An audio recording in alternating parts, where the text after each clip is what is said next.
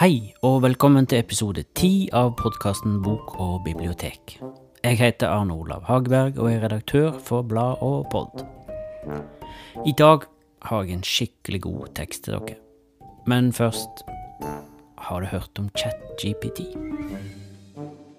Dette er en kunstig intelligens, og den har skapt furore på internettet etter at den ble lansert i en beta-versjon nå 30. november i år. Du er bare noen tastetrykk unna å ta den i bruk sjøl. Det er lettere enn VIPS. ChatGPT, altså. C-H-A-T-G-P-T. Alle som jobber i eller med eller rundt bibliotek, bør teste den ut. Det mener jeg. Noen folk der ute sammenligner denne lanseringa med lanseringa av iPhonen i 2007. Det kan ikke være tvil om at den endrer spillereglene, i hvert fall. Å bruke ChatGPT er litt som å møte igjen Siri og Alexa etter at de har gått på universitetet, og tar alle fag til topps, ikke minst språkfag, for de briljerer med stilistisk fingerspitzgefühl, overmenneskelige språkkunnskaper og detaljerte og velartikulerte svar på tvers av alle kunnskapsdomener. Alltid ti poeng i stil, men rett som det er null poeng i innhold. Kanskje min analogi med Siri og Alexa på universitetet sprakk litt, men ja, i hvert fall. Jeg prøvde for eksempel å få ChatGPT til å skrive biografier om norske forfattere og musikere, og det gjorde han jo lett, svarene rant ut i flott språk på få sekunder. Men innholdet var helt vilt, seriøst altså. Først så lo jeg høyt for meg sjøl, så folk så jo rart på meg der jeg gikk på tur med hunden i vinterkvelden og tasta på smarttelefonen. Men etter hvert som jeg oppdaterte svaret og fikk nye ville varianter, så ble jo smilet stivere og stivere. OpenAI, som står bak ChatGPT, er veldig tydelige på at dette er en beta-versjon, og ikke noe som må stoles på enda. Men problemet er at alle svarene ser like tilforlatelige ut. Om noe er løgn og fanteri, så vet du det ikke om du ikke vet det. Og så har vi jo det problemet, i hermetegn, at den veldig ofte gir veldig gode svar. Du kan jo høre sjøl hvordan ChatGPT svarte meg på dette spørsmålet Can you please write an introduction to a podcast episode on future scenario thinking for library workers in Norwegian? Her er AI-en sitt svar. Velkommen til podkasten Bok og bibliotek, der vi utforsker nåværende trender og spørsmål innen bibliotekverdenen. I dagens episode vil vi diskutere konseptet med fremtidsscenariotenkning, og hvordan det kan brukes innen arbeid til bibliotekarbeidere. Fremtidsscenariotenkning er et verktøy som hjelper oss å vurdere og forberede oss på ulike mulige fremtider. Ved å vurdere en rekke mulige fremtider kan vi bedre forstå mulige konsekvenser av nåværende handlinger og ta mer informerte beslutninger. Bibliotekarbeidere er unikt posisjonert til å spille en nøkkelrolle i denne prosessen, da de har tilgang til en mengde informasjon og er dyktige på å syntetisere og organisere den. Så bli med oss når vi dykker inn i verdenen av fremtidsscenariotenkning og utforsker hvordan den kan brukes av bibliotekarbeidere for å forme fremtiden for deres yrke og de samfunnene de betjener. Og så står det, klam parentes, valgfritt introdusere eventuelle gjester eller eksperter som vil delta i samtalen. Så da får jeg gjøre det. Teksten dere skal få høre i dag, står i utgave 4 2022 av Bok og bibliotek, som nettopp kommet ut. Husker det Ove Sundby sin tekst om da Peking Anda gjesta Bok og bibliotek i 1976? Om ikke, så kan du høre den i episode to av podkasten. Og i dagens episode vender Sundby blikket bakover for å hjelpe oss å tenke framover. Han forteller om framtidsscenariokonferansen Bibliotek 2020, som gikk av stabelen på Biri i 1991. Sundby nevner at han ikke ser så mange spor av konferansen i ettertida, men der kan vi faktisk rette på allerede nå. For om du går inn på bokogbibliotek.no etter at du har hørt episoden, kan du faktisk lese et vitnemål fra en av de som var med. Bibliotekar Thomas Brevik går så langt som å kalle deltakinga på scenariokonferansen eh, på Biri ei livsendrende oppleving, ikke mindre. Da skal jeg straks snurre i gang teksten til Sundby, men jeg lar ChatGPT få siste ordet inkludert litt rusk i norskgrammatikken. Heldigvis, holdt jeg på å si. Vi håper du vil være med oss for denne tankevekkende og informerende diskusjonen om kraften til fremtidsscenariotenkning for bibliotekarbeidere. Romanen Do Androids Dream of Electric Sheep av den eminente forfatteren Philip K. Dick er godt kjent i vår populærkultur. Ikke minst siden den danner basis for de to dystopiske filmene om Blade Runner. Handlingen i boka utspiller seg i San Francisco, tidlig i det 21. århundre, og er spekket med svevebiler, raketter og laservåpen. Likevel er det en dyp sprekk i illusjon i det øyeblikket hovedpersonen, dusørjegeren Rick Deckard, leker med et askebeger av keramikk på kontoret sitt i politibygningen. Å tenne en sigarett inne på sitt eget kontor vil i dag og i all framtid være nesten utenkelig. Men denne detaljen kunne forfatteren umulig forutse da han skrev boka tilbake i 1968. Djevelen gjemmer seg som kjent alltid i detaljene, og ikke minst når man forsøker å skue framover i tid og inn i det som en større forfatter enn meg kaller Through a Glass Darkly. Dette er både heroisk og tappert, og mange har forsøkt å postulere hvilke konturer framtidens landskap vil ha. Få har vel egentlig lykkes i noen særlig grad, og de beste profetiene har nok etter min mening kommet fra forfattere som skriver innen spekulativ fiksjon. Men dette avskrekket ikke Statens bibliotek og informasjonshøgskole, tilbake i 1991, i å legge ut på en reise for å forsøke å fange hvordan det fremtidige bibliotek ville se ut i 2020. Det var modig, det var lekent, men kanskje også litt hasardiøst av Tord Høyvik og et knippe konferansedeltakere å vende blikket 20 år fram i tid og myse inn i framtidens gåte.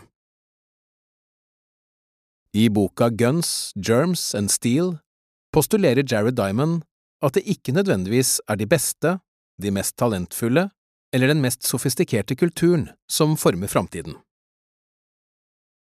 De seirende sivilisasjoner hadde intet opphøyd ved seg, men hadde ved et lykkens sammentreff utviklet seg på de mest gunstige områdene på kloden, hatt gode muligheter for å dyrke korn og ulike spiselige plantearter, hatt tilgang på store dyr som man kunne temme til å holde som husdyr, og via interkulturell påvirkning oppdaget en rekke nyttige verktøy.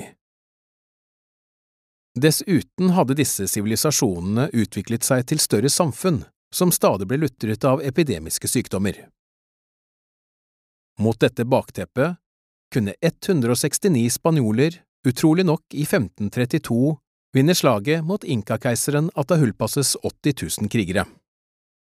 Både kloke urinnvånere og kloke bibliotekarer er nok prisgitt plutselige og dramatiske endringer når uventet konkurranse fra overlegen teknologi sprenger gamle samfunnsmønstre.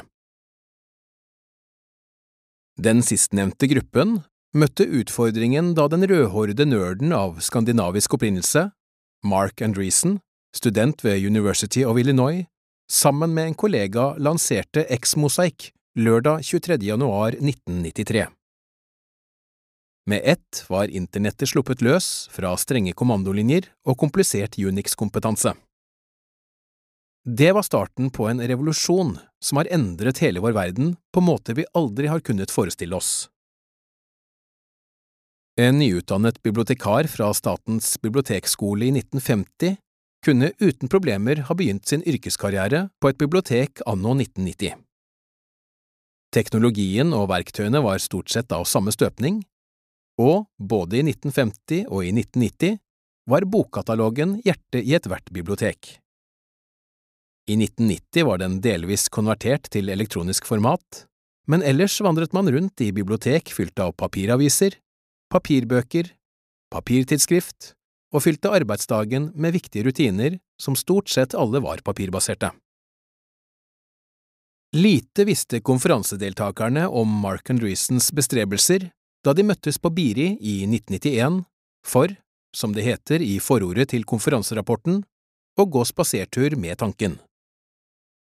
Bibliotek 2020 var en lukket konferanse, og de 38 deltakerne var håndplukket ut fra en base på 179 interessante navn fra ulike fagmiljøer. Den varte fra fredag 19. april til tirsdag 23. april og må ha kostet en anselig sum å arrangere.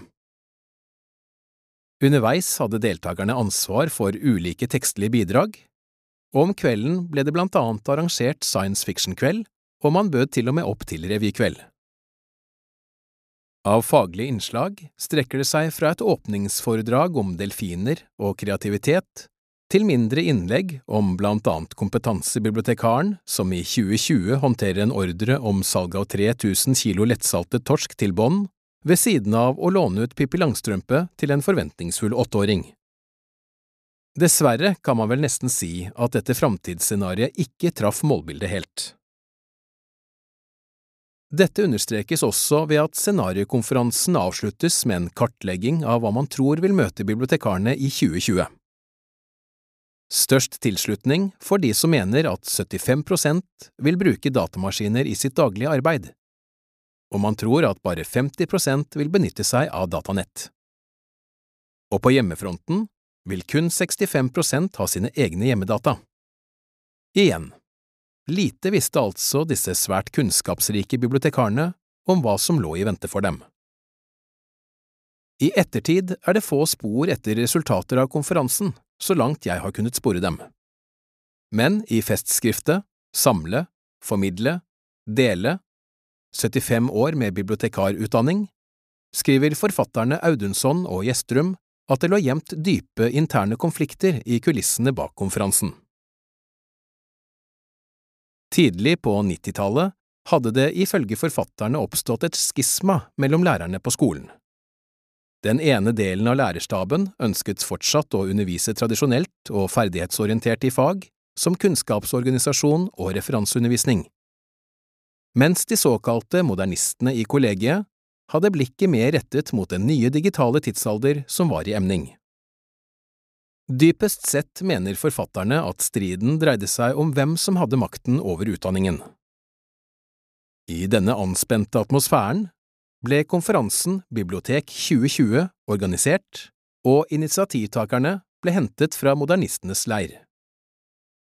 Konferansedeltakerne ble håndplukket av arrangørene, og som forfatterne skriver, det var ikke mange, om noen i lærerstaben, som ikke tilhørte modernistene som kom igjennom dette nåløyet.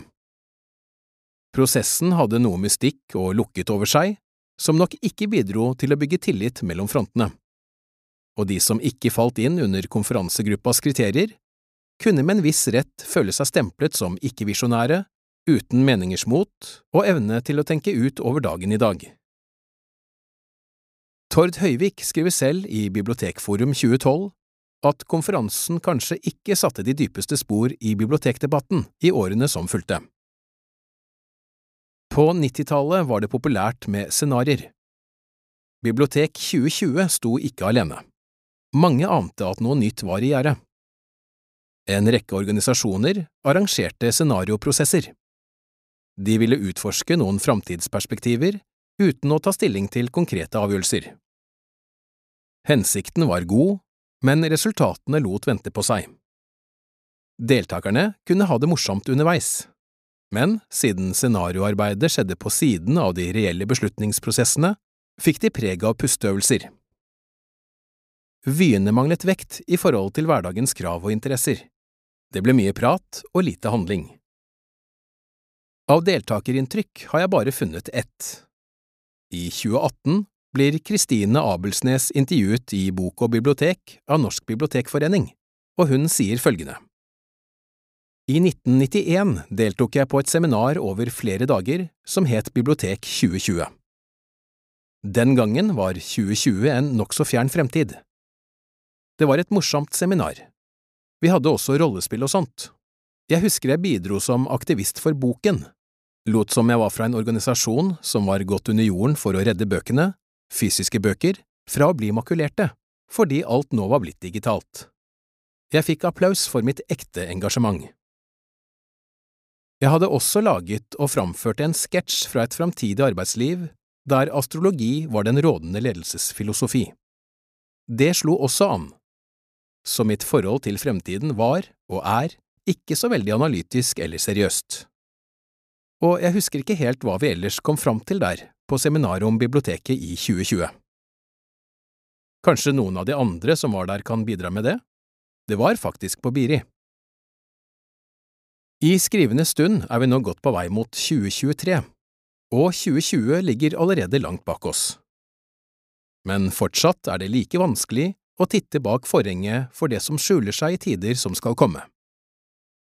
I boka Bedre beslutninger om kreftene som påvirker vurderingene dine og hvordan du tøyler dem, skriver forfatterne Jan Ole Hesselberg og Reidun Longvik Reinholt følgende om statsviteren Philip Tetlock.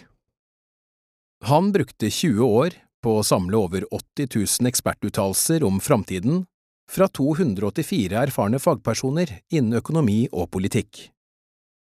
Dette var prognoser om boligmarkedet, politisk utvikling, kriger og teknologiske trender, uttalelser vi gjerne bruker som grunnlag for store beslutninger. Resultatet? En ape med dartpiller har omtrent like god sjanse til å treffe blink som en av ekspertene Tetlock undersøkte. De beste science fiction-forfatterne hevder at alle våre framtidsillusjoner egentlig alltid speiler nåtiden. Det synes intuitivt riktig, og da må vi kanskje bare resignere. Dessverre er det nok også slik at det står dårlig til med framtidsoptimismen, og i stedet stirrer vi inn i en klimakrise, en ustabil verdensorden og en framvoksende AI-teknologi som vil revolusjonere verden på godt og vondt. Men hva med det framtidige biblioteket og framtidens bibliotekarer? Hva vil skje med dem? Med stor sannsynlighet vil nok biblioteket som konsept og institusjon stå fjellstøtt til Dovre faller. Profesjonen bibliotekar vil nok heller ikke forsvinne, men innholdet vil endre seg radikalt. Mitt beste tips er nok det Liv Sæteren spår tilbake i 2010, hvor hun beskriver den nye bibliotekaren som en kurator og redaktør som aktivt formidler innhold fra kunnskapsuniverset. Og dette er jo allerede kjente tanker i flere av våre mest framoverlente bibliotek. Takk til deg som hørte på. Håper dette falt i smak. Og så må du gjerne sende inn tekstbidrag eller andre ting, ideer, til postkrøllalfabokogbibliotek.no. Der vurderer vi alt som kommer inn, enten det er lag av en kunstig intelligens eller av en ekte intelligens, som er den som du og forhåpentligvis jeg innehar. Um, hva skal jeg si? Jo, god jul og godt nyttår til de som hører dette i direkte sending eller jeg håper å si omtrent når det blir gitt ut. Og så eh, håper jeg at du er med og deler hvis du liker det du hører. Del episoder, del artikler. Vi trenger at flere følger med oss på de digitale flatene og på papir. Så takk for i dag, og ha det godt så lenge.